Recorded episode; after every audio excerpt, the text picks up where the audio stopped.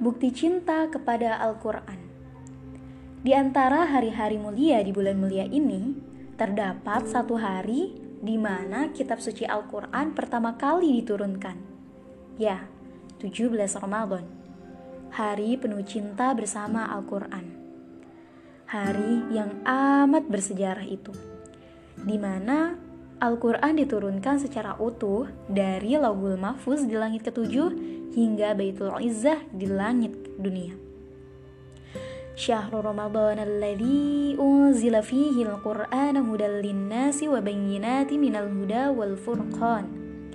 Bulan Ramadan, bulan yang di dalamnya diturunkan permulaan Al-Quran sebagai petunjuk bagi manusia dan penjelasan-penjelasan mengenai petunjuk itu dan pembeda tentunya antara yang hak dan yang batil.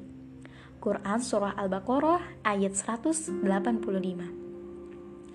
Ayat ini membuatku terfikir dan terngiang-ngiang.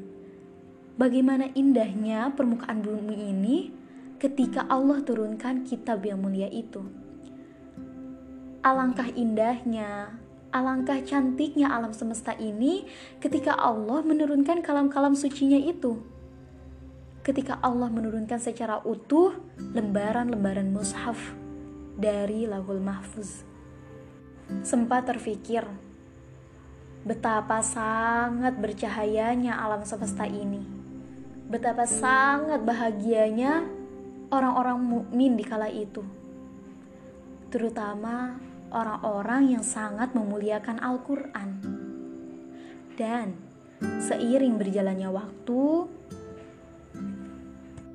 hingga tiba masa kekhalifahan, tiba masa tabi'in dan tabi'at, sampai pada masa zaman sekarang ini.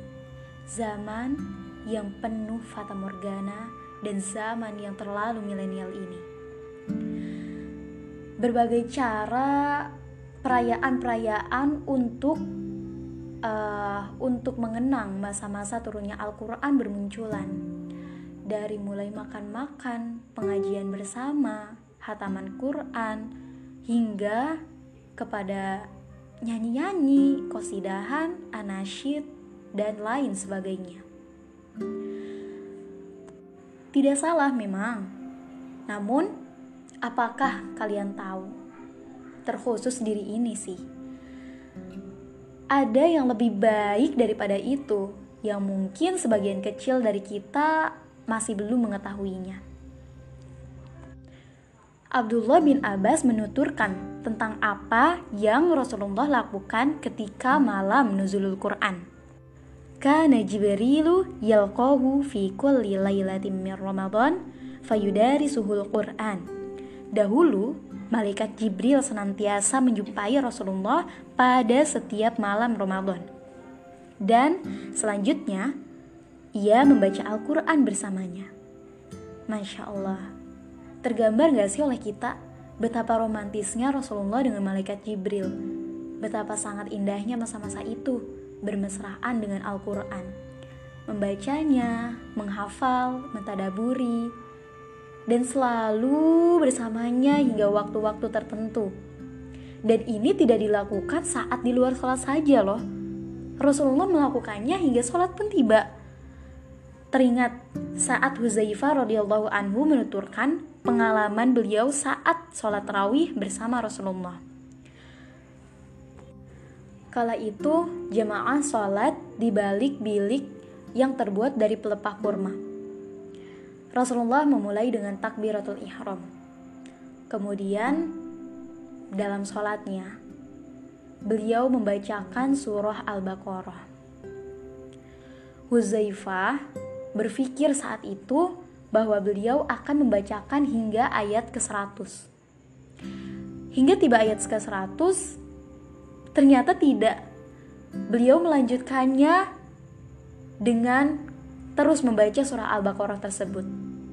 Kemudian Huzaifah berpikir kembali, oh mungkin hingga ayat ke-200.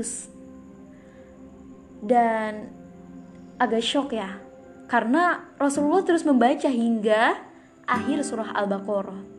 Oh, hingga akhir, masya Allah. Dan tahukah kalian, ternyata tidak sampai situ Rasulullah membaca surat dalam sholatnya.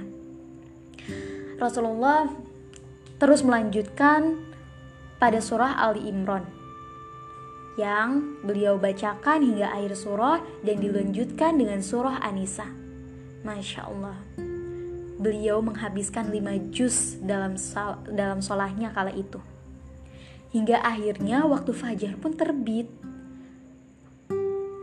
Hingga akhirnya waktu malam telah berakhir dan Bilal memperingati bahwa waktu subuh akan segera dimulai. Dan Rasulullah kala itu hanya sholat dalam empat rakaat saja. Bisa tergambarkan oleh kita betapa sangat memuliakannya Rasulullah kepada Al-Quran betapa sangatnya betapa sangat cintanya Rasulullah kepada Al-Quran sehingga beliau tidak membacanya di waktu-waktu tertentu saja. Hingga waktu sholat pun beliau beliau membacakannya dengan waktu yang tidak sebentar. Itu karena apa? Karena beliau saking cintanya kepada Al-Quran. Dan itu beliau lakukan di saat malam-malam nuzul Quran. Di saat malam-malam Ramadan Sedangkan kita teman-teman, apa yang kita lakukan ketika malam nuzul Quran tiba? Senang-senangkah? Menyalakan petasan? Chatting bersama teman-teman? Dan sebagainya. Oh, aku sibuk. Aku banyak tugas. Aku banyak hal-hal yang harus dikerjakan. Sesibuk apa kita sampai kita lalai kepada Al-Quran? Sesibuk apa kita hingga kita biarkan Al-Quran begitu berdebu di ujung sana. Nasihat ini terkhusus untuk diriku sendiri. Ini adalah tonjokan bagi diriku sendiri yang mungkin belum sepenuhnya menguasai diri ini untuk terus bersama Al-Quran. Baiklah teman-teman semuanya, Semoga kata-kata dan coleteh kali ini bermanfaat untuk kita semua. Selamat malam dan sampaikan salamku kepada Al-Quran jika kalian membacanya.